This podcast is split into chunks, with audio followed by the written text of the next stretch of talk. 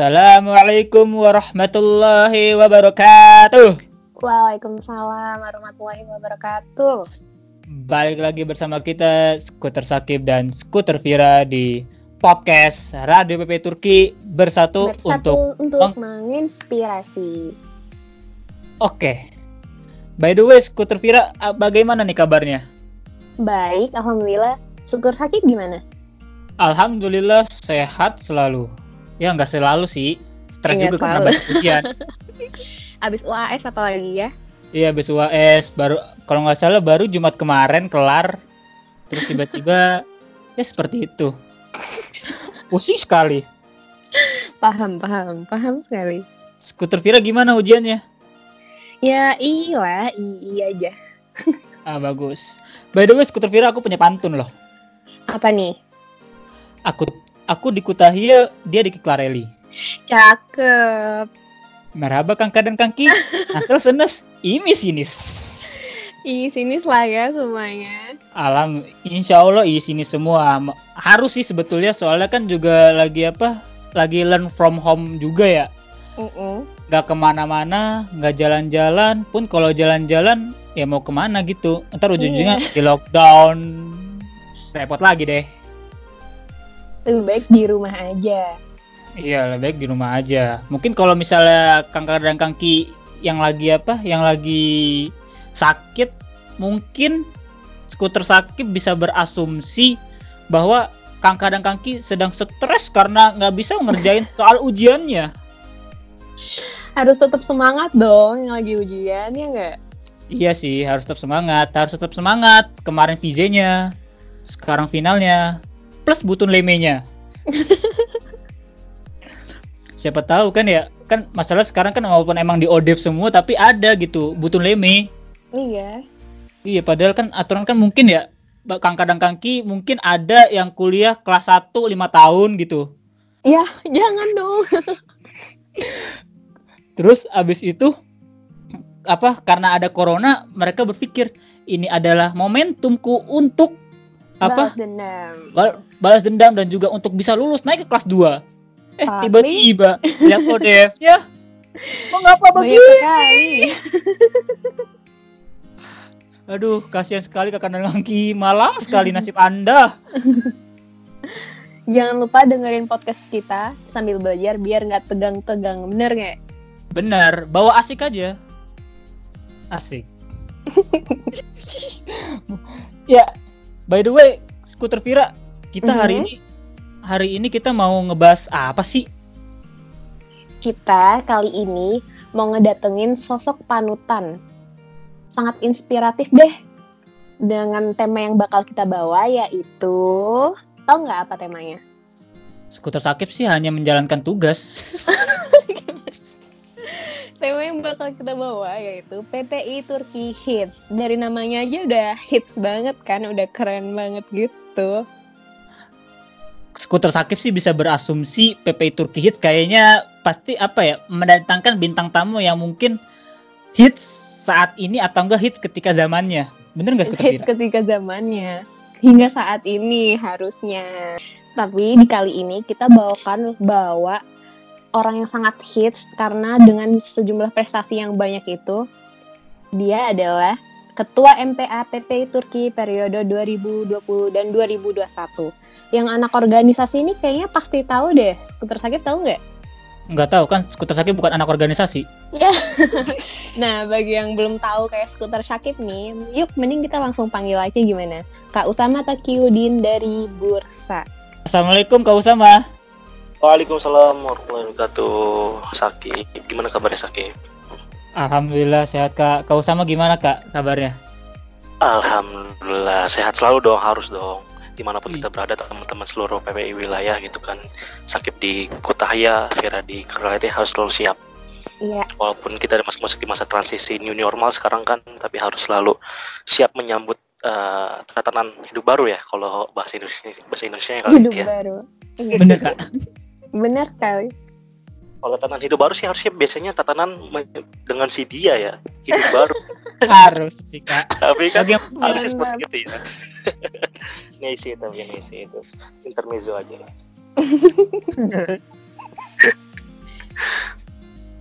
Kak, by the way, kalau boleh tahu Kak Usama sekarang lagi kuliah di mana, di kota apa, di univ mana Kak? Sama jurusan apa? Jurusan apa Eh, aku saat ini lagi studi di Uluda University di kota Bursa ya. Itu sekarang namanya ganti ya? bukan ganti sih bukan. Hanya penambahan nama. Eh, Bursa Uluda University. Itu jurusan politik dan publik administrasi tahun terakhir saya nih. Nah, Hmm. ya itu sih. Palingan kalau cuma bursa cuma ada dua univ doang kok padahal empat kota terbesar keempat gitu. Jadi ya paling nggak cuma eh, nggak hanya di bursa Ulda University Universitas tapi ada juga di bursa teknik university tapi aku dapatnya di bursa Uluda Universitas gitu Wah, Hmm. mantap banget nih. Yang iya seperti kita tahu nih kan, kakak salah satu pelajar Bursa Uluda Universitas nih. Ya. Boleh dong kak sharing awal-awal kakak ke Turki dan ikut serangkaian kegiatan apa gitu kalau boleh tahu. pengalaman berarti pengalaman sampai ke Turki kali ya pengalaman sampai di Turki. sebenarnya panjang banget sih karena aku kan eh, kedatangan tahun 2015 ya lulusan Iya. pondok saat itu panjang banget kalau dan aku paling ringkas aja ya dan banyak banyak banget pengalaman pahitnya karena kan berawal ya covid itu kan pahit ya baru setelah pahit itu pasti kita Bener, akan merasa merasa Iya, kayak banget. kurang nyaman gitu kan nah baru Iya. baru kita kan berusaha mencari gula untuk memaniskannya nah tapi saya ini kan masa masa pahitnya sih pas awal awal tuh dulu di pondok eh, dari kelas 11 sudah udah pengen niat lah pengen eh, punya pengalaman untuk kuliah di luar negeri pengen nyoba ke Mesir tapi Mesir saat itu sedang kudeta gagal kan ya? Eh kudeta Mm-mm. sukses malah. Kalau kita di Turki Mesir gagal kan? Udah sukses di Turki kan? Eh, kemudian akhirnya banting setir ke negara lain tapi bingung nih oh, kira-kira negara mana yang sekiranya masih notabene masih muslim? Karena kan ya santri gitu loh maksudnya kayak bukannya aku lulusan benar-benar kayak santri bat lulusan jebolan santri yang bisa baca Arab kundus segala macam enggak juga tapi kan tengahnya masih mayoritas Islam ya negara tersebut gitu kan supaya lebih terjaga lah gitu imannya gitu kan Nah. Iya. Eh, saat itu coba-cobalah cari tuh tapi yang ada hal lucu dan mungkin ya Allah yang memberikan jalannya gitu kan ada lagi baca-baca buku 99 Cahaya di Langit Eropa karya eh, Hanum Salsabila ya itu anaknya Pak Amin Rais. Itu dia eh, menceritakan sebuah perjalanan eh, dia menemani suaminya gitu kan di luar negeri. Nah itu kan ada beberapa beberapa negara ya. Ini salah satunya ada Turki. Nah di saat pertama kali saya buka bukunya gitu kan eh, kayak apa ya kayak pas banget gitu. Pas lagi halaman itu dibuka plak gitu kan. Itu pas banget halaman lagi membahas tentang kota Istanbul Turki. Dan persis itu ada tulisannya Istanbul University. Penasaran dong gitu kan. Oh. Istanbul University Turki gitu kan terkenal dengan Al-Fatihnya gitu kan terkenal dengan uh, khilafah Utsmaninya gitu kan. Cari dong di internet segala macam wah ternyata ada beasiswa ITB segala macam daftar segala macam tapi ternyata nggak lolos. Oh ya udah bukan rezekinya. Toh juga Allah kan memberikan banyak jalan ya. Setiap manusia Hmm. punya banyak hidup Hmm. jalan hidup ya udah coba cari cara lain dengan eh, biaya mandiri di saat itu PPI Sakarya masih dikit tuh baru berdiri tahun pertama nah akhirnya dibantu sama Mas Edi dulu mantan ketua PPI Turki tahun 2016 sama, sama Teh Meda sama Bang Asad, Bang Faruk dan lain-lain gitu kan senior-senior di PPI Sakarya dulu. Kita meet and greet di Jogja. Nah dulu tuh angkatan saya ada ada IZ di ketua MPR PPI Sakarya sekarang kita ngumpul bareng segala macam diurusin dibantuin gitu untuk gimana prosedur untuk bisa tembus uh, ke UNIF uh, ke Turki gitu lah. Nah, tapi pada saat itu cuma ya dapatnya cuma tomer doang karena emang uh, pendaftaran UNIF udah pada tutup gitu kan. Ya udahlah kita nggak apa-apa Hmm. kita daftar tomer segala macam. Nah, yang lucu lagi nih sekarang pas lagi apa ya? lagi daftar daftar visa gitu kan namanya harus kan visa pelajar ya karena kan tujuannya untuk belajar ya ke Turki ya Iya. untuk jalan-jalan segala macam. Nah, daftar di kedubes, aku duluan nih daftar nih. Nah, kemudian ada lagi si IZ, temen aku ada satu lagi ada anak yang perempuan tuh sama si Erza. Nah, setelah aku apply, harusnya aku dong yang duluan keluar karena pada dasarnya yang duluan nge-apply kan harusnya bisa lebih cepat keluarnya gitu Iya. kan. Karena kan yang terakhir kan mungkin beda seminggu. Nah, tapi Hmm. si IZ dan si Erza ini lebih duluan dia ap- visanya itu lolos dan pada akhirnya visa aku nggak lolos. dan saat itu benar-benar hari terburuk sepanjang sejarah, sejarah mungkin eh, aku hidup kali ya. Yang di mana benar aku masa-masa terpuruk banget itu situ saat itu. Karena udah nggak ikut eh, apa tuh SMPTN gak lolos gitu kan. SBMP SBMPTN juga nggak ikutan gitu kan. Ya mau diapain gitu lah maksudnya masa-masa sulit lah gitu. Hmm. ini di mana udah perjuangin untuk datang ke Turki ternyata sebenarnya udah udah udah tinggal bisa berangkat ke Turki ternyata visanya ditolak. Padahal udah sampai minta surat eh, rekomendasi dari DPR RI gitu kan temen eh, abi aku itu juga eh, anggota DPR RI nggak bisa Hmm. juga. Kemudian juga udah dengan kenalan dari Turki gitu kan ada Hayat Wakfu di Indonesia. Udah datengin langsung juga langsung ke Dubes Turki. Nggak bisa juga harus eh, apply ulang lagi. Ya di mana kalau apply ulang lagi ya otomatis ketinggalan eh, level A1 Tomer saat itu. Hmm. akhirnya bingung-bingung segala macam dapat rekomendasi dapat saran. Udah pakai visa turis ke Turki. Udah Bismillah deh pakai visa turis. 5 det eh 5 menit doang visa turis diurus. Bayangin dengan visa pelajar yang harus nunggu 3 sampai 4 minggu gitu kan. Mm-mm. ya langsung karena visa turis ya ya udah langsung dengan bayar berapa puluh dolar gitu langsung bisa gitu kan ke Turki tapi nggak dengan semudah itu. Pas lagi sampai di bandara peng ditahan tuh di Soekarno Hatta. Bayangin coba aku belum pernah pertama kali ya mungkin pertama kali naik pesawat gitu domestik pun juga belum pernah naik, naik pesawat aku. Langsung internasional ke Turki itu bareng juga sama teman aku. Perempuan itu Mahmudah teman seangkatan aku di Sakarya. Itu kita pakai visa turis karena emang visa pelajar kita. Aku ditolak kalau si Mahmudah emang dia uh, nggak ngurus visa pelajarnya dia langsung ke visa turis. Dan Mhm. itu benar-benar kacau sih kita di Soekarno Hatta tiga kali bolak-balik tiga kali keluar masuk lah gitu bandara karena kita visa turis. Jadi kalau visa turis tuh uh, harusnya tiket pesawatnya itu bolak-balik. Mhm. jadi PP nah di saat itu aku belinya tiketnya pergi aja karena kan emang aja kan belajar ya di sana ya. Iya. udah aku tunjukin eh, kabul make tubuh dari Thomas segala macam nggak dibolehin sama maskapainya itu naik naik Turkish Airlines. Jadi harus beli tiket pulangnya. Seharga kalau total total itu 17 juta akhirnya PP beli. Dan di saat itu wah banget sih benar ka- kayak suatu hal yang rumit tapi ya udah alhamdulillah dijalanin dan akhirnya bisa dan pada saat itu pas udah di boarding time ternyata pesawatnya delay juga karena banyak agak sedikit trouble segala macam gitu. Tapi alhamdulillah Mhm. pas saat itu bisa berangkat ke Turki masuk eh, walaupun sempat dikerjain imigrasi juga kan karena kan pertama kali naik pesawat apalagi langsung keluar negeri gitu kan seperti imigrasi dikerjain segala macam. Tapi alhamdulillah lolos masuk ke Istanbul Turki langsung malam itu berangkat eh, ke Sakarya ngurus Tomer segala macam. Jadi oh ini banyak banget sih dan itu baru itu baru banget tuh aku eh, untuk masuk ke Turki ya maksudnya sampai ke Turkinya doang itu Iya. dan saat itu aku Tomer selama setahun di Sakarya hidup di salah satu eh, yayasan tuh Hayat Wakfu kan di sana. Nah itu belum dapat universitas sama sekali tuh. Akhirnya baru setelah Tomer lulus dari segi musim panas aku nggak pulang tahun pertama urus pendaftaran univ.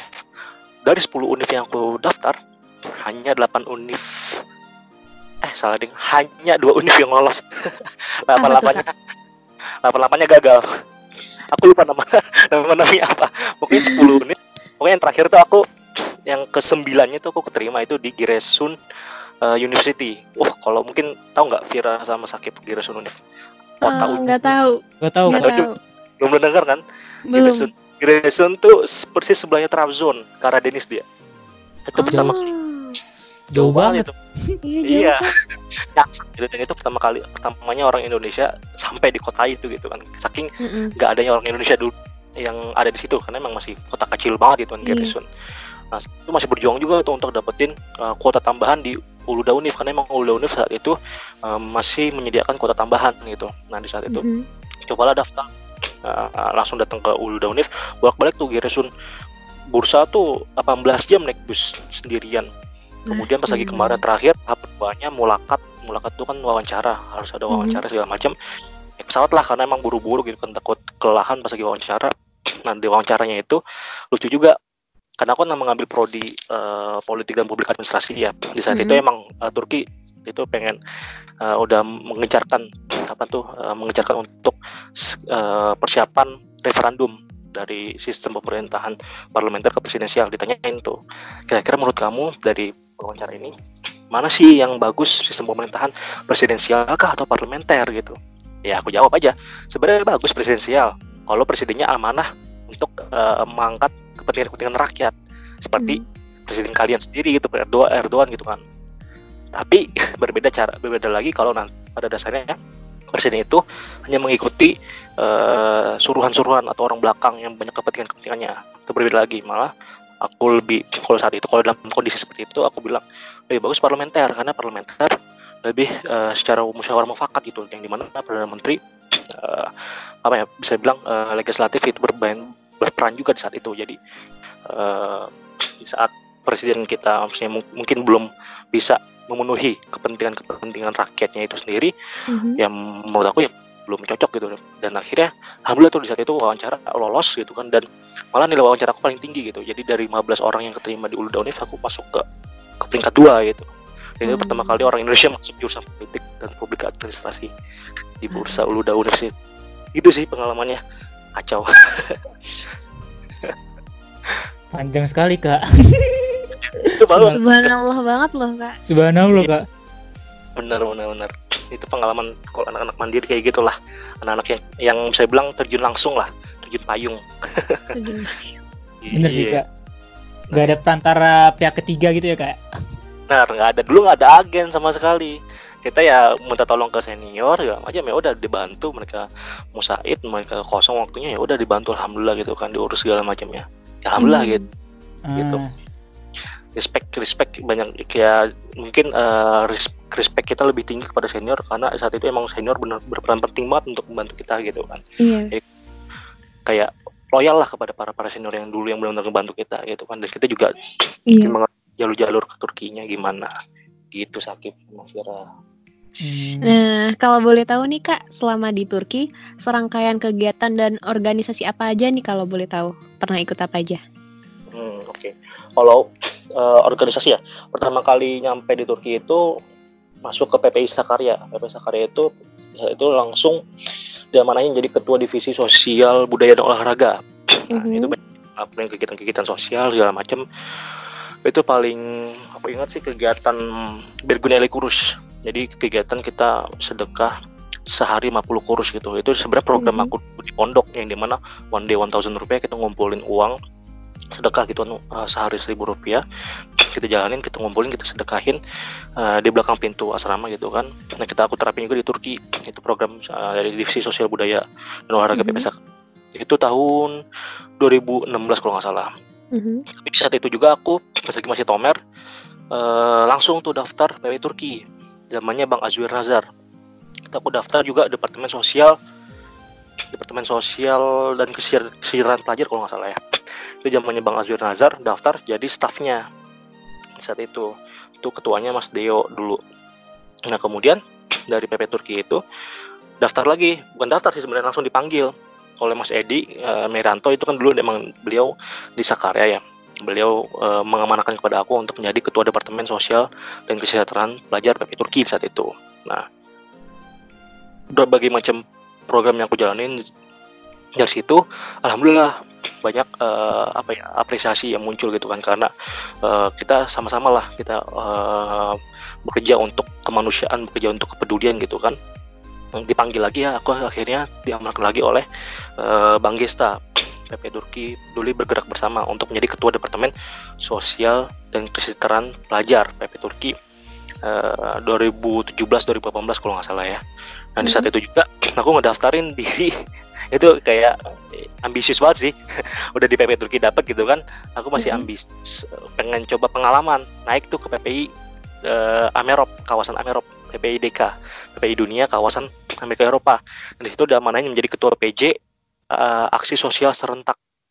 Nah tapi aku agak-agak sedikit buyar karena di saat itu beda ya mungkin. Kalau di negara kan PP negara kayak PP Turki ini kita bisa banyak ketemu atau bisa lebih kenal lebih dalam gitu kan. Kalau PP Mhm. DK Amerop kayak kita benar-benar naungin seluruh wilayah atau seluruh negara yang ada di eh, kawasan Amerika Eropa gitu kan. Dengan mereka mereka pun banyak broker-broker yang mungkin eh, udah udah numpuk gitu lah. Jadi kayak koordinasi itu sangat sulit banget. Ya akhirnya aku kayak nggak sanggup deh untuk nga- untuk ngangkat lah untuk banyakin program eh, di, di PPDK Amerop akhirnya agak buyar dan nggak terlalu megang PPDK Amerop gitu di saat itu.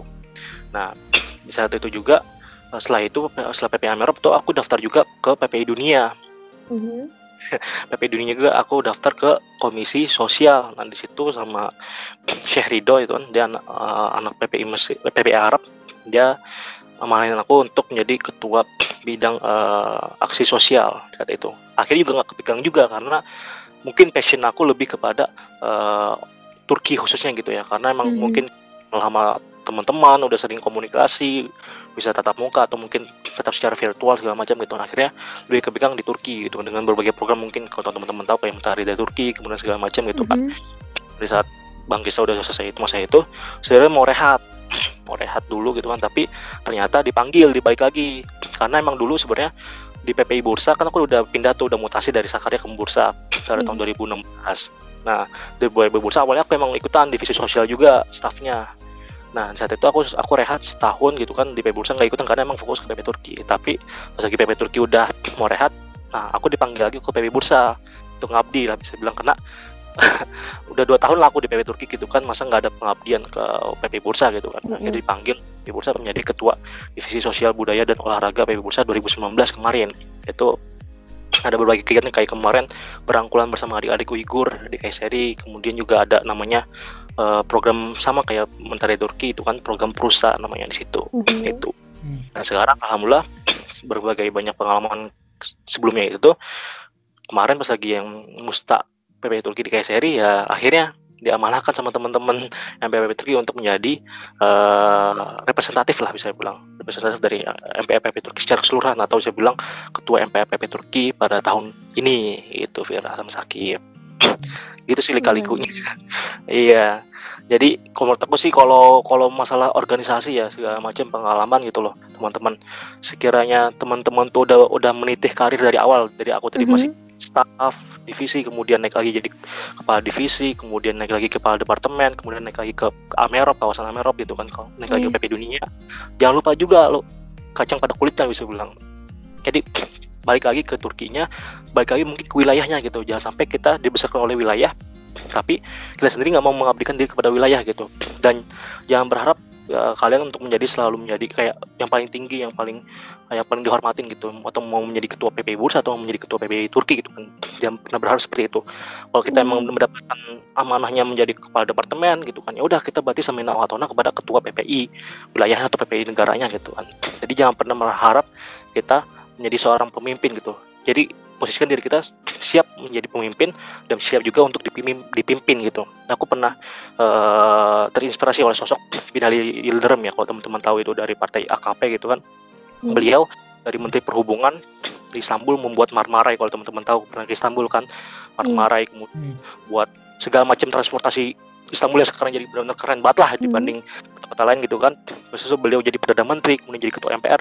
Nah kemarin kan pas lagi pemilu pilkadanya Turki itu Istanbul, beliau akhirnya dijadiin eh, wali kotanya Istanbul gitu. Bayangkan coba teman-teman, udah jadi perdana menteri, tapi dia tetap eh, ngikutin apa yang diperintahkan oleh Erdogan untuk uh, mencalonkan diri menjadi uh, wali kota Istanbul gitu. Jadi Samina wa atoknya kepada pemimpin tuh dia pegang seutuhnya gitu. Jadi jangan jangan sampai teman-teman tuh kayak merasa udah tinggi hati gitu kan. Jatuhnya kayak aku tadi udah udah naik paling tinggi gitu, udah mencicipi paling Hmm. tinggi dunia gitu kan. Tapi teman-teman merasa bangga diri, akhirnya males untuk uh, tujuan lagi paling bawah. Padahal, padahal teman-teman yang di bawah itu perlu bantuan teman-teman yang sekiranya udah mencicipi uh, apa tuh rintihan-rintihan atau uh, apa ya, bisa bilang tahapan-tahapannya ya Mhm. tahapan-tahapan eh, organisasi tersebut gitu kan karena kita kalau sekiranya nanti kita udah rehat gitu kan kita perlu namanya regenerasi gitu kayak Vira sama Sakit nih jalan-jalan Mhm. regenerasi PPTurki yang harus digenjot untuk siap em, apa ya bisa bilang meng- mengarahkan bahtera PP Turki ini mau dibawa ke mana gitu kan arahnya Hmm. itu Vira sama Sakit Hmm. By the way, Kak Usama tadi kan sempat nyinggung mentari dari Turki dan Prusa dan yang skuter sakit tahu kan mungkin kedua program tersebut apa ya memiliki apa sih tujuan yang sama yaitu mengabdi mengabdi Hmm. kepada masyarakat. Nah, Hmm. itu kalau boleh tahu perbedaan dari keduanya kayak gimana kak? perbedaan dari keduanya ya Ah, mungkin eh, kalau sebenarnya sama banget ya pada dasarnya. Karena emang mentari dari Turki itu sebenarnya udah lama dari zamannya Mas Arya Sandiuda itu udah ada. Itu zamannya Mbak Dela Anjilawati awal mentari Turki itu berdiri gitu kan. Maksudnya itu udah ada gitu kan. Tapi yang di mana mentari dari Turki itu dikonsep dengan desa binaan sakit itu Hmm. diamanakan pas lagi aku diamanahkan menjadi ketua departemen sosial di zamannya Mas Edi Miranto ketua PP Turki saat itu. Itu dapat challenging juga dari kalau teman-teman tahu eh, Bang Fatul Wahid juga dulu mantan ketua PI Turki juga challenge untuk uh, PP Turki sekiranya bisa membentuk konsep desa binaan gitu. Nah, pada dasarnya Prusa itu, nah makanya aku bilang kan di saat aku 2018 itu sudah selesai menjadi ketua departemen uh, sosial dan itu juga aku jadi uh, ketua mana ketua panitia mentari dari Turki kedua kalinya gitu kan. Karena pertama itu kan 2017 mentari Turki keduanya itu udah 2018 di Belitung. Nah saat itu selesai dipanggil ke bursa. Nah di saat bursa itu ya mungkin uh, ada kendala juga kalau ada sedikit trouble masalah gitu kan kemarin saat lagi mustadikonya gitu kan akhirnya dipanggil ke bursa untuk mencoba um, mengelola teman-teman di bursa gitu memberikan pengalaman lah. Akhirnya aku dipanggil menjadi ketua uh, departemen sosial eh departemen divisi sosial budaya dan olahraganya. Kemudian diamankan lagi tuh. Awalnya aku bukan ketua uh, desa binaan bursa. Jadi apa ya kalau kita bursa ini kan namanya pelajar bursa untuk Indonesia ya. Iya. lebih lebih sempit sebenarnya awalnya. Kita emang niatnya hanya untuk teman-teman PB Bursa karena kemarin pas lagi di Mustakonya ada salah satu orang yang eh, dia yang sebenarnya mungkin mem- sedikit mempersalahkan kegiatan menteri Turki yang 2018 itu tapi dia sempat bilang kepada kepada aku gitu kan eh, sekiranya tuh PP Turki itu punya kegiatan yang benar-benar sustain gitu loh sakit jadi Hmm. nggak terbatas oleh periode. Kan kita tahu ya sekarang ya tiap tahun kita melakukan musta tiap tahun kita melakukan pemilu gitu kan. Itu kan berarti ada batasan ada masanya ada waktunya gitu loh. Mm-mm. yang di mana program itu nggak bakal bisa sustain. Jadi setiap periode ya udah bakal ganti bakal ganti gimana karakter si ketuanya ini gimana maunya si ketua ini gitu kan ya nah Mm-mm. itu dapat eh, dia bilang gitu kan kira PB Turki itu harusnya eh, bagusnya itu membuat sebuah program yang benar sustain ke depan gitu kan bagus sekarang menteri Turki itu ada gitu sustain itu benar karena pada pelaksanaan mungkin tengah tahun pas lagi libur musim panas itu setelah selesai acara walaupun acara cuma seminggu gitu kan itu tetap kita sustain kita lihat eh, kayak pembangunan kemarin PAUD bagaimana pembangunan taman baca ke- kemarin bagaimana kemudian bagaimana perkembangan desa segala macam sampai kita demisioner itu udah beres Mhm. urusan kita karena pada dasarnya, pada dasarnya kita diamanahkan saat itu ya udah kita diamanahkan saat kita menjabat sebagai eh, anggota di eh, Badan Pengurus Harian PP Turki. Tapi kalau kita sudah demisioner, sudah dilepas eh, tanggung jawabnya itu, ya sudah berarti kita selesaikan. Nah, problemnya di situ. Jadi sekiranya desa-desa yang sudah dibuka gitu kayak desa di Banten, desa di Belitung, kemudian juga kemarin kan 2019 itu dipegang sama Rusdi di Aceh ya. Nah, tapi Hmm. kan ini udah sekarang PP Turki jelas nih udah punya tiga desa binaan lah. Nah, kalau kita terlalu ambisi untuk membuka desa baru, sebenarnya bagus aja gitu kan, baik aja. Tapi pada dasarnya jangan lupa juga gitu kepada desa-desa yang sudah dibuka. Bagaimana bisa sebuah desa itu maju kalau hanya kita datang seminggu dan kemudian juga sustain cuma hanya satu periode atau satu tahun gitu loh. Jadi nggak kerasa. Nah, di situlah kemarin program Prusa itu untuk eh, menjalankan misi untuk sustainable program. Jadi di mana PP wilayah itu mendukung kegiatan Mentari di Turki. Jadi di mana Mentari Turki itu sebenarnya fokusnya untuk membuka desa baru, kemudian PP wilayah lah yang bertanggung jawab untuk melanjutkan program-program eh, desa binaan yang kepada desa-desa yang sudah dibuka gitu sakit. Nah makanya kemarin eh, aku eh, mencoba sama teman-teman Bayi Bursa untuk eh, sama kegiatannya dengan eh, apa tuh Mentari Turki sebelumnya gitu, tapi kita fokusnya untuk apa tuh keberlanjutan program eh, desa binaan itu kepada desa-desa yang sudah dibuka gitu. Sakit. Jadi kita nggak nggak membuka desa-desa baru gitu. dan kita mengabdikan pada desa-desa yang sudah sudah ada gitu. Gitu Sakib sih kira-kira. Berarti kayak yang Hmm. desa Mekar Manik itu udah sempat dikelola sama Mentari dari Turki dong bang? Iya benar 2017. Hmm. Kemarin kita datang lagi Hmm. 2019. Gitu. Jadi ya kita kayak bertanggung jawab lah gitu ya. Kayak kita udah ngetok Hmm. pintu orang gitu kan kayak ya, ya contohnya kalau Sakib sama Vira gitu kan atau mungkin Sakib yang udah ngetok pintu eh, calon gitu kan. Masa kita nggak nggak kita silaturahim lagi gitu kan atau mungkin kita deketin orang tuanya lagi untuk mendapatkan si yang kita mau gitu kan. Jadi ya Hmm. sampai janjian kita udah buka pintu tapi malah kita tutup udah biarin aja gitu loh. Kayak kemarin pas lagi aku di yang Menteri Turki Belitung itu 2018 saat itu capek-capek banget gitu kan benar capek tapi tetap nyempatin ke desa Mentari yang pertama 2017 di Banten bayangin aja naik Hmm. motor itu kalau tahu namanya Zaki di Konya gitu mantan ketua PWI Konya sebelumnya itu naik motor dari Jakarta ke Banten ke desa Mekerman itu di Lebak 6 jam naik motor sana untuk hanya sehari semalam kita kita ngeliat Hmm. pautnya alhamdulillah pautnya kemarin kita bangun itu berguna banget bermanfaat banget. Bahkan eh, yang lulus dari PAUD itu kemarin semangat untuk lanjutin eh, sekolahnya ke SD bahkan ada namanya eh, adik siapa ya aku lupa ya adik ulung. Itu folio dia nggak bisa gerak nggak bisa nggak bisa apa. Dia PAUD sampai digondong sama orang tuanya gitu kan karena emang tangannya sama kakinya itu nggak bisa digerakin gitu. Tapi dia semangat untuk belajar. Kemarin alhamdulillah 2019 ketemu di kegiatan perusak. Bayangin tuh rasanya benar-benar sedih campur bahagia gitu lah. Bayangin aja anak sekecil itu gitu kan ingin tetap terus belajar gitu kan sampai dia eh, pas lagi kemarin kita datang ke SD-nya lihat eh, orang tua- ibunya bilang ke aku gitu kan kau sama gimana kabarnya? Ini adik ulung udah lulus loh dari PAUD yang kemarin kakak bangun bangun bangun bersama-sama gitu loh. Makasih ya Hmm. kakak gitu kan. PAUD-nya udah dibangun gitu-gitu. Jadi kayak wah rasa bangga rasa haru lah gitu kan.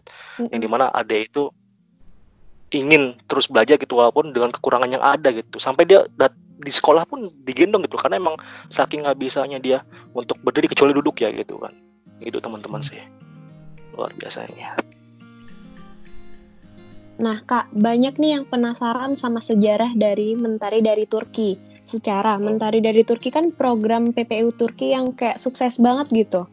Jadi pada Hmm. penasaran siapa sih yang mencetuskan adanya Mentari dari Turki? Oke bagus nih pertanyaan dari Vira nih. Khususnya kita- kalau kita tahu program itu sukses tapi kita nggak tahu asal usulnya asal Nah, mulanya itu di- dicetuskan kayak kurang afdol gitu ya. Nah aku jelasin nih. Makanya mungkin kalau teman-teman tahu Mentari Turki eh, program mulai 2017 itu salah. Sebenarnya Mentari Turki itu eh, itu dimulai dari zamannya Mas Arya Yuda. Berarti itu sekitar eh, 2014 2015 kalau nggak salah.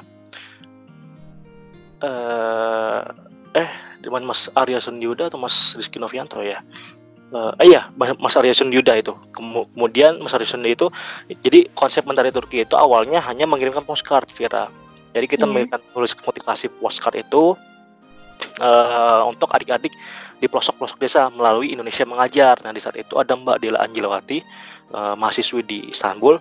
Nah dia salah satu volunteer di Indonesia Mengajar. Nah akhirnya disalurkan postcard motivasi kita ke desa-desa pelosok, ke sekolah-sekolah pelosok melalui Indonesia Mengajar. Nah tahun eh, 2015 itu zamannya Mas Rizky Novianto, akhirnya program itu direalisasikan sepenuhnya gitu. Jadi saat kita pulang musim panas, itu Mas Rizky Novianto eh, dan teman-teman pada Turki saat itu menyambangi salah satu desa, eh, salah satu desa ya di kaki Gunung Bromo itu kan ke satu sekolah untuk memberikan postcard dan memberikan volunteer mengajar di sekolah tersebut gitu. Seru sih kegiatan tersebut.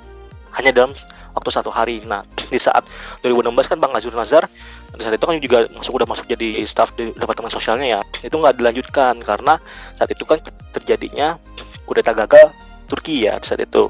Jadi fokus PP Turki saat itu untuk internal membantu kawan-kawan yang uh, sekiranya membutuhkan. Nah, barulah tahun 2017 program Menteri Turki itu dilanjutkan lagi oleh Mas Edi Meranto dengan benar-benar konsep yang uh, luar biasa gitu. Awalnya kita lihatnya cuma baksos kayak kayak zamannya Mas uh, Rizky Novianto 2015 gitu. Kita datang ke sekolah dengan dengan baksos segala macam. Nah, awalnya itu 2017 kita memilih desa yang sekiranya nggak jauh dari Jakarta karena mungkin tahap awal ya bagi bayangin teman-teman kita nih kalau kalau teman-teman tahu kayak kalau di Indonesia kan ada KKN ya ada kuliah kerja nyata segala macam gitu kan. Mm-hmm. itu kan mereka satu satu kampus mungkin kos-kosannya deket juga gitu kan. Dan kepertemuan juga sering gitu kan tatap mukanya. Jadi lebih siap lah lebih lebih siap lebih matang lah konsep dan persiapannya segala macam gitu kan. Beda dengan kita teman-teman semua kita pelajar Indonesia di luar negeri gitu kan. Kita mungkin beda kampus beda jurusan gitu kan. Beda uh, tempat tinggalnya mungkin juga juga beda wilayah gitu kan. Karena kan kemarin banyak dari berbagai wilayah gitu kan. Nah itu emang uh, suatu kendala yang benar-benar sering terjadi. Bahkan itu menjadi sebuah kendala pokok sih. Tapi bukan menjadi sebuah kendala uh, kalau kita ada keinginan ada kemauan. Nah di saat itu 2017 uh, di saat pemaparan proker itu Bang Fatullah sempat memberikan sebuah cetusan kira-kira. Mm -hmm. uh, eh gimana nih kira-kira sanggup nggak nih departemen sosial untuk ban untuk buat desa binaan gitu? Kalau mentari Turki ini jadi program uh, desa binaan wah keren sih. Awalnya aku sempat kayak ragu gitu wah bayangin aja gitu desa binaan gitu loh. Kita membina sebuah desa.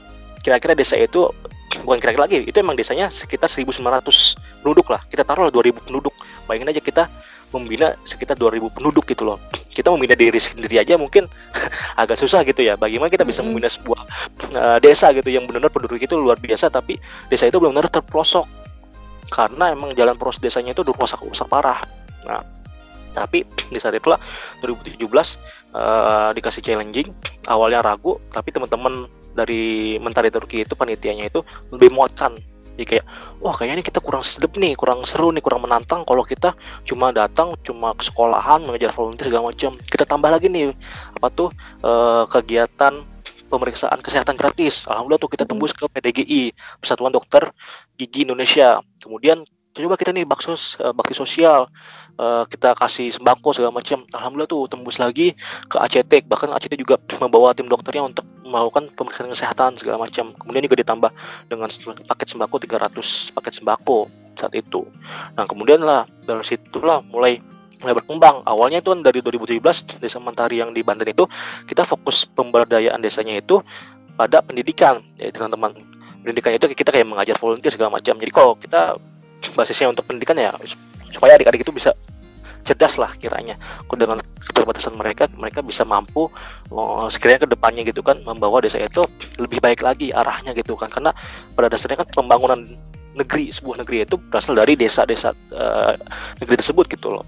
Mm-hmm. kalau misalnya itu nggak kuat ya bagaimana bisa menopang sebuah negeri gitu loh. Nah, makanya kita mencerdaskan pendidikannya dulu, kemudian kalau sudah pendidikannya udah bagus, kesehatannya kita lihat. Karena pada dasarnya kesehatan yang penting paling penting lah. Kayak sekarang ini kan kita sedang mengalami masa pandemi gitu ya, teman-teman semua. Masa pandemi ya harus kita jaga kesehatan supaya kita bisa kuat menjalani kehidupan kita ke depannya. Nah, kemudian kalau kita sudah sehat, walafiat, kita sudah mampu, kita sudah bugar, punya kekuatan, kita barulah menuju ke ekonomi.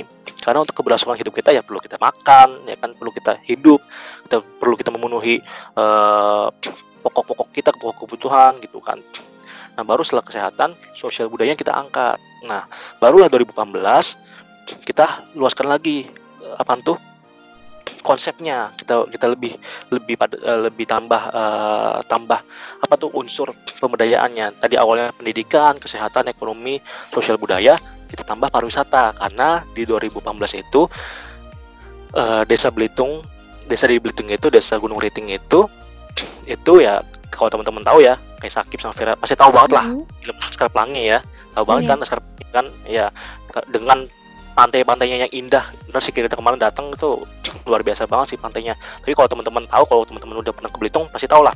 Itu sekolah Laskar Pelangi itu di Belitung Timur tapi pantainya itu ada di Belitung. Jadi beda kabupaten teman-teman. Hmm. tapi yang angkatnya itu pesona dari pantai beli uh, apa tuh kota Belitungnya itu sendiri.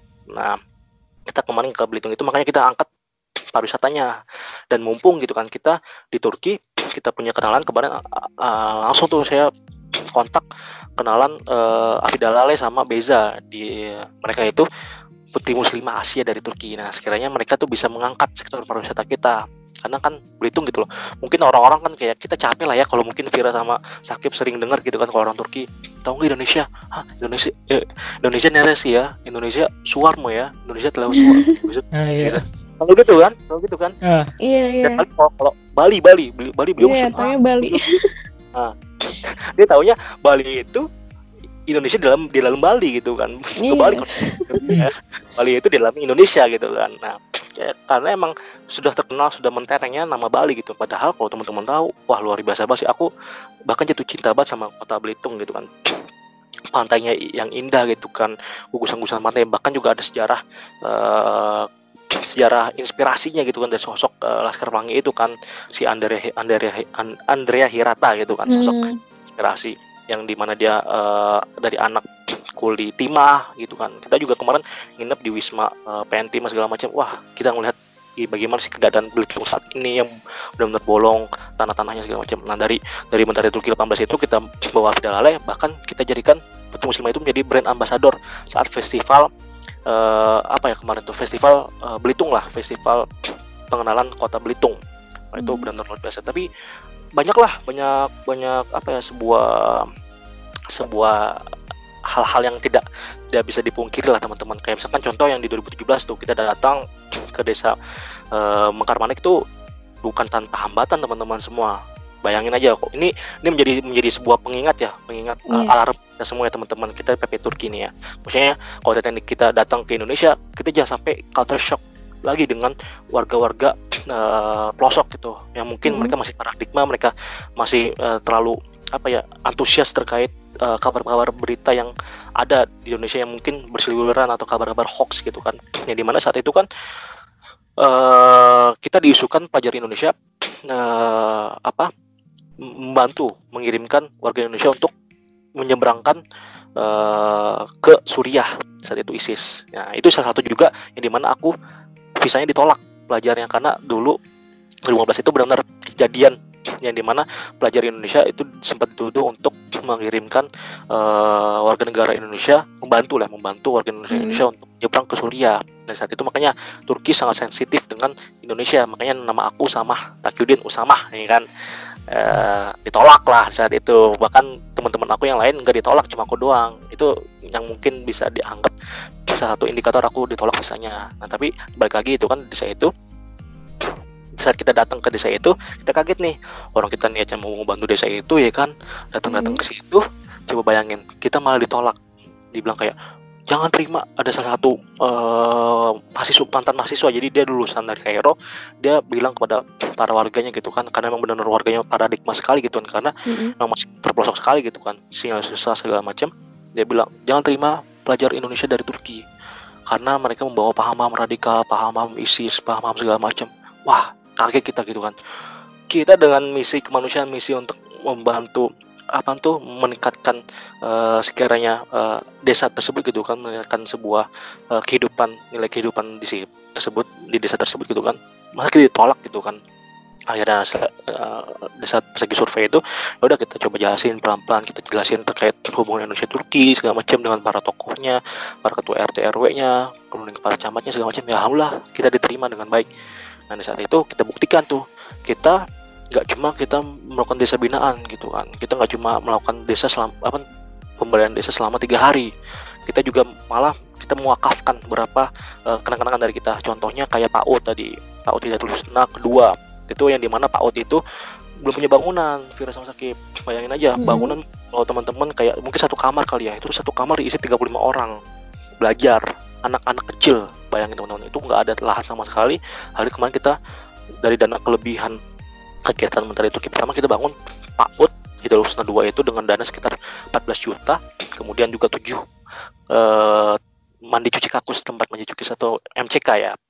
7 MCK itu kita bangun dan dua taman baca masyarakat. Barulah dari situ warga merasa eh, apa ya masa open open minded mereka terhadap dunia luar karena banyak bantuan yang kita berikan kepada desa tersebut. Dan kembali lagi tuh di 2019 teman-teman di saat itu kegiatan kita sempat ditolak oleh camatnya sendiri bayangkan teman-teman. Camatnya malah bilang udah tunda aja atau udah nggak usah adain aja tuh kegiatan kalian gitu kan. Eh, dengan alasan itu tapi dia nggak mau menyebutkan bahwasanya kegiatan kita kegiatan yang berbau-berbau yang negatif lah gitu kan. Tapi dia bilang kayak udahlah mungkin takutnya bentrok dengan kegiatan dari PMK Belitung segala macam jadi mending nggak usah. Nah tapi alhamdulillah pada saat itu eh, dari segala macam struggle-nya kita mengurusin kegiatan tersebut bahkan saya sampai dua kali bolak-balik survei gitu kan. Mm-mm. mungkin kalau teman-teman pengen tahu gimana kelanjutannya tanya ke Bang Gesta saya langsung itu karena saya sama Bang Gesta yang mengurusi bagaimana biro- birokrasi karatannya Indonesia gitu loh. Bahkan kita sampai kumpul tuh kita rapat bersama dengan bupatinya dan jajaran para dinas dan ada pak camatnya itu.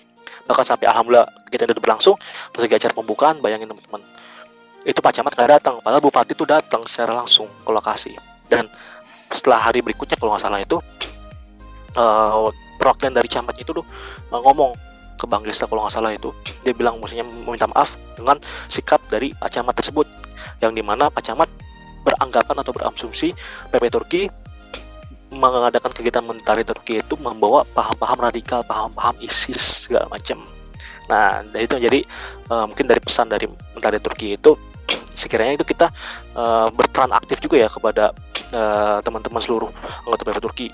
Kita meng- melibaslah berita-berita yang nggak baik itu, yang bagaimana eh, sudah eh, mengakar gitu di Indonesia yang mungkin ya kayak Turki dekat dengan Suriah, dengan Irak, dengan Iran ya akhirnya kita terimbas kita membawa paham-paham yang kurang baik di Indonesia Mm-mm. yang kita ke desa-desa malah kita dianggap membawa paham-paham yang yang sebenarnya kita nggak nggak akan kita lakukan seperti itu gitu kalau kita Mm-mm. niatnya mengabdikan diri kita berdedikasi untuk bangsa gitu loh. Jadi teman-teman jangan sampai nanti teman-teman kaget gitu pas lagi datang mau mengabdikan diri ke mungkin desanya atau wilayah masing-masing tapi dengan dapat kabar isu segala macam kayak itu jangan dengarkan hiraukan saja itu teman-teman.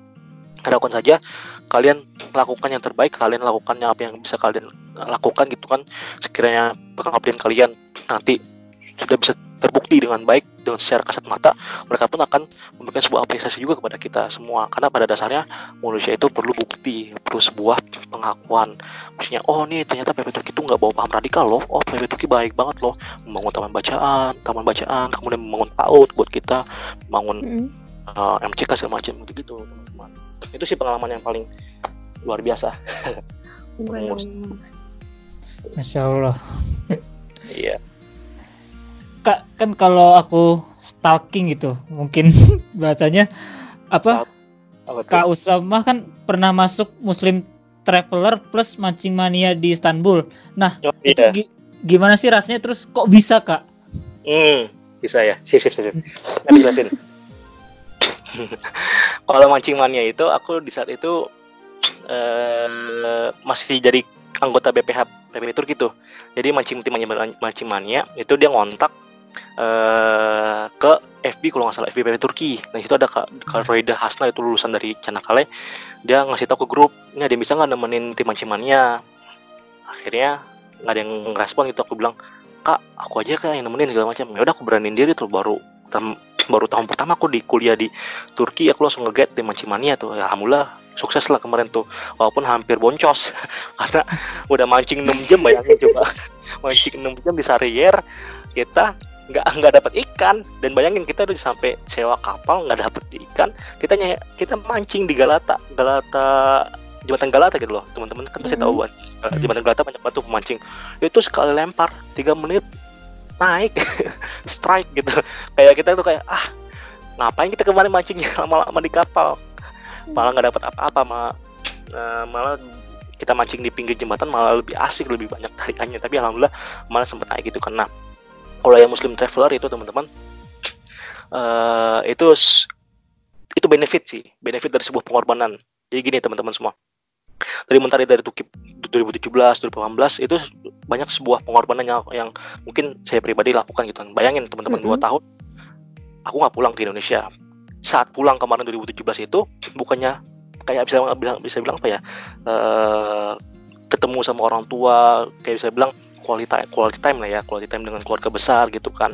Tapi malah aku kabur-kaburan. Kabur-kaburan di sini maknanya adalah bukan kabur-kaburan kongko-kongko segala macam ya kalau teman-teman maknanya tapi kabur-kaburan ngurusin proposal survei kemudian juga ketemu dengan sponsor segala macam. Karena emang aku kan lokasinya di Jakarta ya domisili di Jakarta. Dan aku sebagai ketua panitia gitu kan di mana harus hadir di saat sponsor eh, menanyakan beberapa hal gitu. Nah sempat tuh umi aku bilang tuh bilang kayak kamu ngapain sih eh, balik ke Indonesia? Kok malah pergi-pergi dari rumah? Bayangin sebulan tuh aku hampir tiap hari keluar rumah gitu kan. Sampai kayak saking mungkin saking kesel atau mungkin saking bingungnya gitu kan umi. Aku tanya kayak kamu ngapain sih? Kamu tuh pulang eh, buat buat Umi Abi atau buat acara itu loh. Kamu tuh ketua panitia harusnya kamu ya kasihlah ke teman-teman yang ngurusin gitu kan. Jangan kamu terus-terusan keluar rumah. Ya tapi kan mungkin orang tua belum tahu ya keadaan di situ. Karena pada saat itu divisi humas itu cuma aku eh, sama temen aku Amar gitu. Cuma kayak kita cuma bertiga bertiga orang doang. Aku Amar sama Muhamudah karena emang kita lokasi domisili Jakarta. Yang lainnya yang lainnya di luar kota semua. Nah, kalau sponsor kan ny- nyarinya kan harus di kota besar ya, Jakarta kan. Nah, ma- makanya sering-sering keluar rumah karena itu. Nah, di saat itulah pengorbanan 2017 sering ninggalin keluarga segala macam 2018 juga seperti itu. Pernah juga ditanyain gitu kan. Nah tapi pas saat itu sponsorship aku coba tuh emang 2017 aku udah coba tembusin ke Trans 7 karena kan udah kenalan di Mancimania tapi tembusnya ke beritanya redaksi pagi Trans 7 nah kalau 2018 aku coba tuh sponsorship itu inisiatif, inisiatif aku sendiri. Aku coba tembusin ke Net TV di saat itu aku eh, lagi ngeliat YouTube program namanya Lentera Indonesia. Aku bilang wah cocok nih kegiatan apa tuh kegiatan apa tuh liputan TV ini karena dia mengangkat sosok eh, salah satu orang yang sekiranya mengangkat sebuah eh, desa gitu atau mengangkat sebuah taraf hidup lah taraf hidup sebuah pedesaan di Indonesia gitu. Nah saat itu aku kontak reporternya dengan berani tuh aku aku bukan ngontak ya kayak aku ngontak dulu si orang Indonesia mengajar. Jadi tokoh narasumbernya yang di Indonesia itu ya, dia volunteer Indonesia mengajar. Aku jelasin program dari Turki 2018 kemudian dikasih kontak reporternya. Nah aku jelasin ke reporternya juga. Alhamdulillah dari reporternya itu langsung udah mas kontak aja langsung ke produsernya. Nah, produsernya langsung aku temuin tuh ke TV segala macam. Alhamdulillah tembus di saat itu. Nah dari situlah kemarin kan akhirnya dari 2018 sementara Turki di Belitung tayang tuh kan di Lentera Indonesia. Nah itu menjadi sebuah eh, apresiasi besar gitu kan yang di mana kita tuh nggak cuma eh, melakukan sebuah kegiatan baik tapi kita ingin menginspirasi teman-teman di seluruh dunia gitu kan. Bahkan juga saat itu kan 2018 PP Turki mendapatkan penghargaan dari PP Dunia terkait eh, apa ya terkait PP Turki eh PP Dunia Award terhadap isu eh, sosial kemasyarakatan. Yang di mana Menteri Turki itu mendapat penghargaan. Karena emang pada dasarnya mungkin ya orang-orang belum tahu ya kayak emang bisa sih gitu. Kira-kira belajar di luar negeri bisa melakukan kayak KKN-KKN yang ada di Indonesia gitu kan. Kayak sulit banget gitu kan. Tapi ternyata alhamdulillah tuh kita bisa melakukan eh, pemberdayaan desa di sana gitu kan. Bahkan kemarin mentari dari Turki eh mentari dari Amerop gitu kan program baru dari PPDK Amerop itu sama persis hampir mengikuti kegiatan dari mentari dari Turki dari inspirasi dari kegiatan kita gitu. Nah di saat itulah dari Lentera Indonesia itu tim Net TV-nya nyimpan tuh kontak aku. Itu kemudian pas lagi kemarin mereka 2018 itu mereka datang tuh Muslim Traveler. Datang mereka mau liputan di kota Bursa. Di jadi liputannya tuh di kota Bursa kota Kayseri Kapadokia sama di eh Trabzon makanya di Mhm. saat itu Bursa dia ngontak aku aku urusin tuh segala macam halnya keperluan. Nah saat itu juga aku kerjasama dengan PB Bursa. Makanya kita buat street performance di eh Jumal Kezek dan lain-lain lah gitu. Seru-seruan lah. Nah alhamdulillah Muslim Traveler tahun ini datang lagi ke Turki dan dan datangnya lagi ke kota Bursa. Nah, kota Bursa Istanbul, Eskişehir sama Konya. Nah, saat itu ya karena emang eh, kayak ya dia udah tahu gitu kan kontak aku, dia kontak lagi gitu walaupun emang beda beda reporternya, beda eh, hostnya gitu kan. Beda VJ-nya juga, video jurnalisnya, tapi dia kan udah ada channel lah bisa bilang. Mereka kontak aku untuk persiapan segala macam. Alhamdulillah tuh kemarin Muslim Traveler datang ke bursa itu lebih lebih wah lagi. Aku tembusin ke bursa Buyuk Syahir Bilediyesi tembusin ke Pemprov Bursa untuk mendapatkan fasilitas. Kayak kemarin kita ke teleferik kalau teman-teman tahu kan pernah ke Gunung Luda kita naik Mhm. teleferik gratis. Kemudian kita digaitin secara eh, oleh guide profesional secara gratis. Kemudian kita makan di Iskender gratis. Kemudian kita dapat fasilitas segala macam dari Pemprov Bursa. Itu aku pengalaman pengalaman banget lah bisa tembus eh, birokrasi Turki lah bisa bilang gitu dan mereka senang banget lah tim, tim Muslim Traveler bisa liputan di kota Bursa lah kembali gitu. Jadi menurut aku sih kalau teman-teman udah melakukan sebuah pengorbanan gitu kan kayak Iya. tadi gak ninggalin orang tua dan akhirnya na- pada akhirnya nanti ada hal manis yang akan datang kepada teman-teman semua. Bosnya kalau teman-teman mengorbankan satu orang mungkin orang tua atau dua orang eh, satu atau dua orang orang yang kita cintai gitu kan. Tapi kita Hmm. lebih memilih untuk eh, lebih mengutamakan orang-orang yang sekiranya membutuhkan gitu kayak bayangin itu kan penduduk di situ kan 2000 sedangkan keluarga kita mungkin bisa kita nanti ketemu lagi setelah se- acara segala macam gitu kan jadi aku lebih Hmm. mengutamakan eh, warga desa tersebut ya akhirnya berakhirnya eh, ada hal-hal benefit yang bisa aku dapatkan dari kegiatan tersebut di situlah makanya aku punya link punya relasi ke Net TV ke Muslim Traveler gitu teman-teman semua Nah, subhanallah sekali ya kegiatannya ya. Hmm. Kak, Tapi itu dari nggak- sekian banyak kegiatan nih, gimana kakak itu nggak sih kayak yang banyak strugglingnya, banyak kesulitannya tuh ada nggak? Pasti ada kan ya? sih banyak banyak banget ada itu nggak bakal bakal mungkin kita dengan mudah mendapatkan hal, hal apa yang kita inginkan gitu lah Nah, Pasti- pasti- banget. melakukan hal-hal tersebut Hmm. gitu Vera gimana ini Vera Nah, dari sekian banyak kegiatan nih, kakak tahu nggak caranya ngatur antara kuliah dan organisasi itu gimana gitu? Bisa ceritain ke kita nggak? benar-benar kalau terkait itu gini ya karena aku kan eh, ambil prodi jurusan politik dan publik administrasi ya mungkin Iya. eh, eh, berapa hal kalau teman-teman tahu juga eh, emang agak sulit sih mengatur waktunya gitu kan Mm-mm.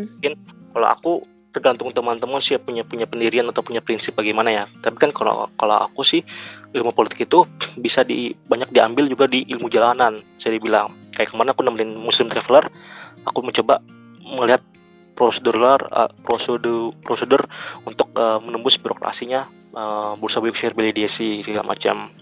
Masuk kemudian banyak uh, channel relasi dari kemarin menteri Turki segala macam gitu kan Nah, dari situ aku juga bisa belajar tentang dunia perpolitikan gitu kan. Nah, tapi kalau terkait untuk eh, apa ya mengatur waktu untuk kayak kuliah dan organisasi itu gimana kalian sendiri gitu. Maksudnya aku pun nggak bisa memberikan contoh eh, secara secara luas ya karena pada dasarnya mungkin aku pun masih masih ada kekurangan gitu kan. Mungkin kalau teman-teman yang dekat aku mungkin kayak bilang "Oh, bang sama jarang ke kampus segala macam gitu kan. Karena emang eh, itu tergantung prinsip teman-teman semua gitu kan.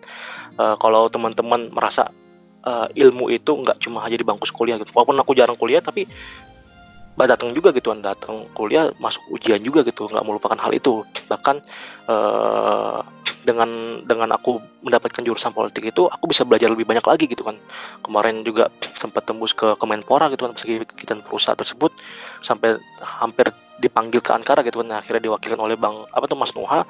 Dan akhirnya aku memilih eh, datang ke LDK-nya PP Kerkeleri saat itu. Kalau di saat itu aku diundang untuk menjelaskan kegiatan perusahaan di depan Menpora Turki untuk eh, peresmian Federasi Federasi Relasi Turki gitu. Tapi aku lebih memilih untuk eh, ke LDK PP Kerkeleri saat itu. Jadi teman-teman di- bagaimana mengatur waktunya aja sih manajemen waktu. Maksudnya kalau teman-teman prioritasnya bagaimana gitu kan. Ada kan eh, istilah ya kalau teman-teman ada istilahnya kuliah bebek gitu yang di mana eh, kampus asrama, kampus apartemen gitu atau kampus tongkrongan segala macam. Itu itu ada.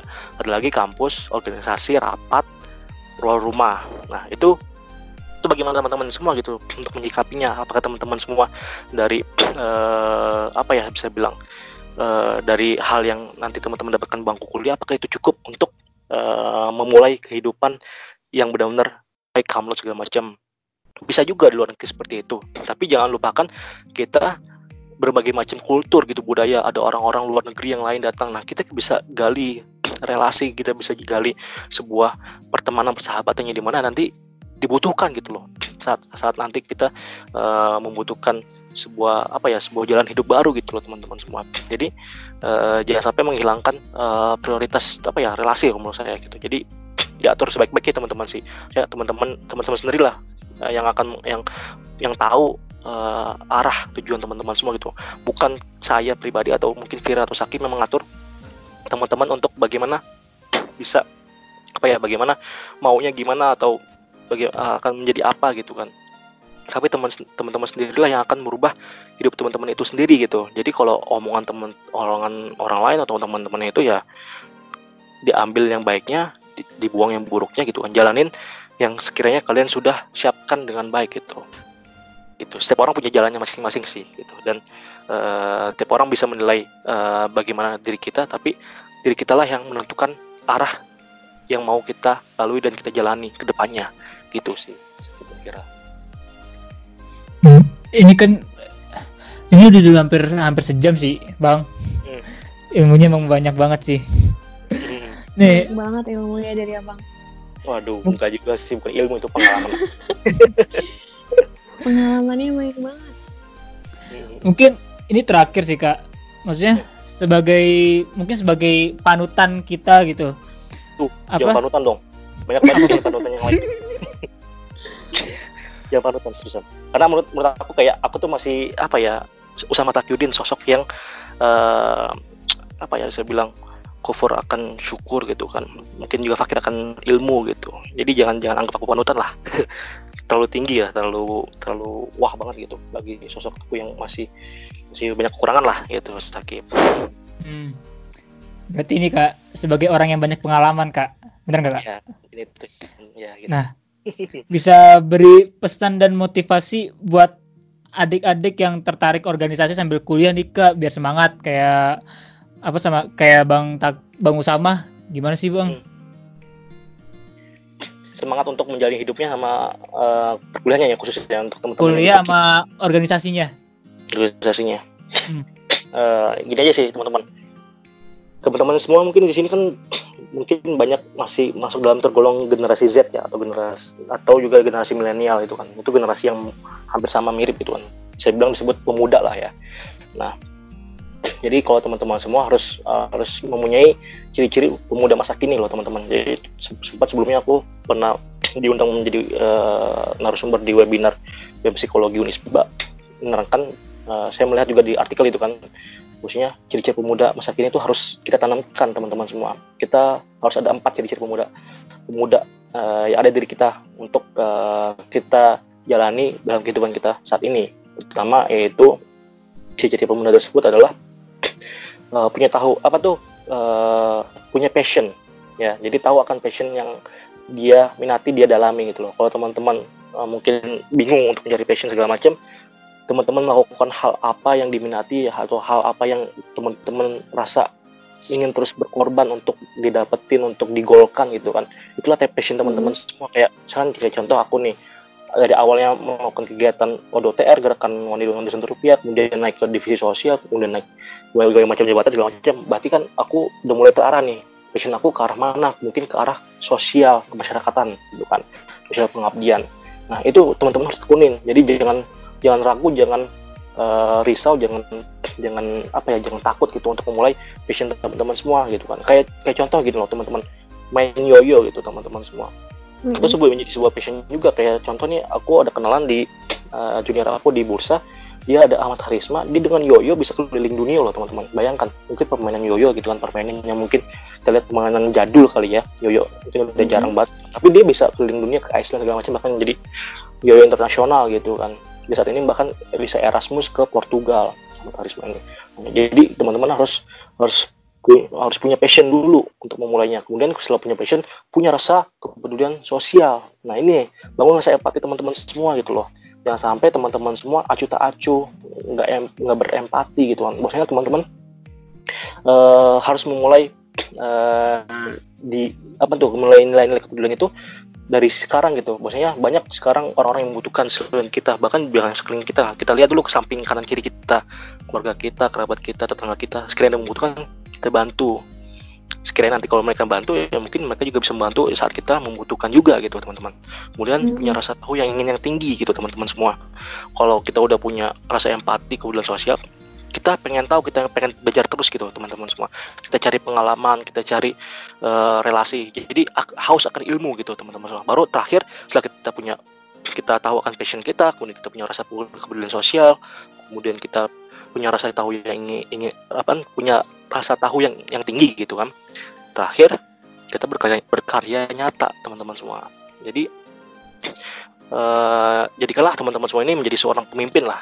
Pemimpin buat diri sendiri mungkin tadi pemimpin untuk keluarga masa nanti gitu ya kalau kalau mungkin Sakti sama Vera Hmm. udah punya pasangan gitu kan jadi keluar pemimpin gitu kan atau mungkin nanti Vira dan Hakim mungkin jadi ketua PP Turki gitu kan atau mungkin ketua PPI Kerleri, ketua PPI Kutahya kalau Kutahya udah berdiri kayaknya mungkin kali nanti ya. Kan. Tapi aku ada ada suatu sebuah sebuah pesan gitu ya terkait pemimpin gitu loh. Mungkin Hmm. kalimatnya seperti ini sih teman-teman. Jadilah pemimpin yang terlahir bukan karena keinginan, kepentingan dan juga jabatan, tetapi jadilah pemimpin yang mematahkan keraguan, menghilangkan keresahan dan berusaha memulai perjuangan untuk perubahan.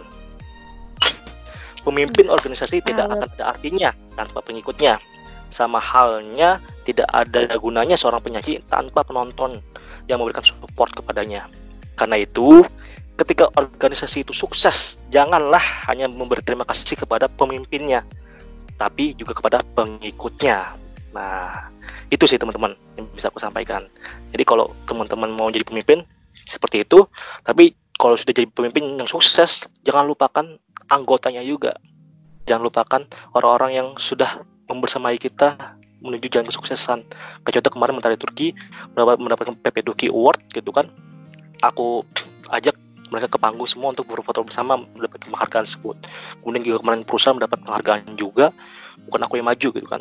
Bukan aku yang datang ke Ankara, aku kasih ke Mas Nuha, aku kasih ke teman-teman yang sekali kemarin yang membantu kegiatan perusahaan tersebut. Bahwasanya bukan akulah yang sepenuhnya eh, mensukseskan kegiatan tersebut, tapi ada teman-teman semua yang di balik layar atau mungkin eh, teman-teman semua yang berjibaku gitu kan, mendorong aku juga itu kan untuk mensukseskan kegiatan tersebut gitu. Jadi kalau sebuah organisasi itu sukses, jangan cuma pemimpinnya doang yang dipuja-dipuji, tapi pengikutnya juga yang diberikan eh, sebuah apresiasi atau sebuah award kepada mereka semua. Karena sejatinya pemimpin itu akan mati dan berikutnya generasi itulah yang harus dibutuhkan untuk keberlanjutan sebuah perjuangan itu sendiri. Itu Vira dan Saki. Hmm, salut banget nih buat pemimpin kita. Waduh, enggak juga sih. Iya, aman-amanain aja itu mah. Wah, nggak terasa banget ya. Udah sejam nih, sejam lebih. Banyak Sejam banget ilmu yang kita serap sejam lebih ini ya. Mohon Begitu ya nggak, kalau skuter sakit? Bener. Enggak, banyak banget ini ilmunya. Subhanallah. Semoga apa ilmu yang Bang Usama yang kita dapatkan hari ini bisa kita terapkan di kehidupan Kangka dan Kangki dan juga skuter sakit dan skuter Vira di Iya, apa di kehidupan seharinya. iya. Semangat untuk mengikuti organisasi dan hal-hal positif di luar sana, bener nggak? Bener.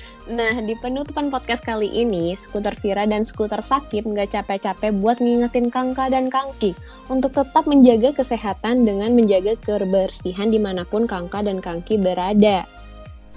Bener banget apa kata skuter Vira. Tadi kan sama Bang Usama juga disinggung new normal gitu. Iya, new normal. Kita sekarang memang diperbolehkan untuk melakukan aktivitas di luar rumah. Tapi jangan Mhm. lupa protokol kesehatan tetap menggunakan masker dan selalu menjaga kebersihan dengan membawa hand sanitizer apa? hand sanitizer jika keluar jika keluar rumah Keluar dan juga rumah. dan juga apa? Ya enjoy aja sih. Iya, dan jangan lupa PSBB-nya ya. Jangan lupa buat Kangka dan Kaki, jangan lupa buat stay tune di Radio PPI Turki karena akan ada podcast dan on air dengan pembahasan yang menarik dan skuter yang asik di setiap minggunya. Oke. Mungkin sekian dari skuter Sakib dan skuter Vira pada podcast Radio PP Turki. Kali ini kami berdua pamit undur diri. Skuter Sakib signing out. dan saya skuter Vira, sign out. Assalamualaikum warahmatullahi wabarakatuh. wabarakatuh. Radio PPI Turki bersatu untuk menginspirasi. Tok, tok, tok, tok, tok.